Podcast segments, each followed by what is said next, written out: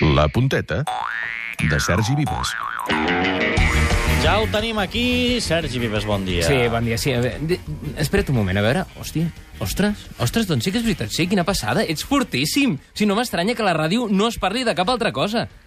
Et veig més fort, Francesc, no? Estàs catxat. Té una força abdominal i de coll eh, boníssima. Sí. Estaríem davant d'un dels colls més uh, musculats. Em veus més fort, Sí, que vas al gimnàs. Sí. Ah. musculman, musculman, musculman, musculman. Sí, sí, sí, els músculs del Garriga són tan prominents que hi ha qui els ha vist sobresortir fins i tot en forma d'exclusiva en el butlletí de Catalunya Informació i tot. Va, home, va. L'exclusiva que no acaba d'arribar, en canvi, és la renovació del Pep Guardiola, que no hi ha manera, tu. El Jaume Creixell, en canvi, renovava d'una forma molt més fàcil. Tu, Jaume, quan, quan estaves a un club, també trigaves a renovar fins l'últim dia? No, això quan t'ho deien, doncs t'ho deien. Exacte, quan li deien, li deien, a diferència de quan no li deien, que aleshores no li deien. I és que el Creixell diu les coses com són, amb la veritat per davant, encara que costi. Jo canso molt. Clar. Per què? Perquè dir la veritat consta. És més, em consta que li costa. Ara, que on el Jaume ens va emocionar és quan va dir, atenció, eh, de quin color és la sang que corre per les venes de Messi. Que els nens volen ser Messi. I tenim la sort de que aquest, si li fas un foradet a la, sí. aquí amb una prova de sang, la té vermella i, br- i, i grana. Com? La té vermella i, br- i, i grana. Oh! No pot ser! No, sí, és vermella i grana. Es confirma que Messi no té sang blava i, per tant, no és barrufet ni pitjor encara de la reialesa. Però parlem del sorteig de Champions i és que ara ja sabem que el Barça li ha tocat al Milan. Però ahir encara discutíem amb el Torquemada i el Bernat el possible rival. I no va ser gens fàcil posar-se d'acord, no amb el qui, sinó amb el com. Ja ho veuràs. Sorteig de Lliga de Campions. Dos rivals que vulgueu i dos rivals que no vulgueu. Com ho hem de fer? Ella ha de fer els dos que vol, que vol i jo els dos que vull? O, o, o els ha de dir els quatre i jo els No, no, quatre? dos- Com ho vols fer? Ui. Dos? Per on comencem? Pels que volem Pels o que pels que, sí, no pels volem? que sí, però- Ell comença pels que volem i jo sí. començaré pels que no volem. I quins vols, tu? Ell en fa un i jo un o fa els dos i jo dos? Ui, això serà un lío. Exacte, dona'm una mica les normes del joc. Els dos que sí, tu, Ah, i els després dos, eh? els dos que Va. no. Però Eh... Tu qui no vols, Ricard? Ah, començo pels sí, que no vull. Fem així barrejadet. No.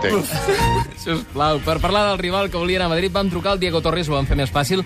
I jo no sé si és que no hi ha gaire bona maró, però atenció a la reacció del col·laborador quan el saludes, eh, Garriga, ja ho veuràs. És que ara vol- volia parlar del Madrid, El perquè cas Madrid. tenim en línia el Diego Torres, el periodista del País, col·laborador d'aquest programa. Diego Torres, bon dia. Diego, bon dia. Vale, gràcies. Ah, Ara ets de parlar amb el pesat aquest, sí. Va entrar amb ganes de menjar-se el món, el Diego. Qui també semblava que s'havia de menjar el Madrid era el CSK. Ens havien dit que era l'equip més potent de Rússia. Hombre, el CSKA de Moscú es un histórico, es el club ahora más potente en Rusia, ¿no? Bueno, en principio el más potente es Zenit ahora de San Petersburgo. Vaja, per això no va pel mal Madrid. Havia d'haver jugat contra el Zenit. Anem amb el concurs perquè hem de desempatar dos oients amb el públic just. He dit dos oients, eh? Quanta gent hi havia a la Suècia, Aràbia Saudita, del Mundial 94? Ràpid. Elisenda, gent. 40.000. 40.000. Joan. 20.000. Doncs ha guanyat la Joana perquè n'hi havia 60.000. Repetim la jugada per si hi ha alguna sí. possibilitat de reclamació. Elisenda. 40.000. Joan. 20.000. Doncs ha guanyat la Joana. La qüestió és, d'on surt, d'on surt el tercer oient que més guanya el concurs? La Joana aquesta qui és? Una endollada, segur, perquè guanya sense concursar. Clar, et diràs, és que s'acabava el temps i em vaig atablar. Doncs no, no accepto aquesta hipòtesi perquè el tenim un punt té el seu propi horari. I la 1 i 11 d'aquest programa Exacte, la 1 i 11 del programa una hora més tard a la ràdio. Més hipòtesis estranyes, les que vas formular per intentar explicar les paraules d'Alves referint-se a Guardiola i Mourinho quan els, vas comparar amb, quan els va comparar amb el Brasil i el Japó.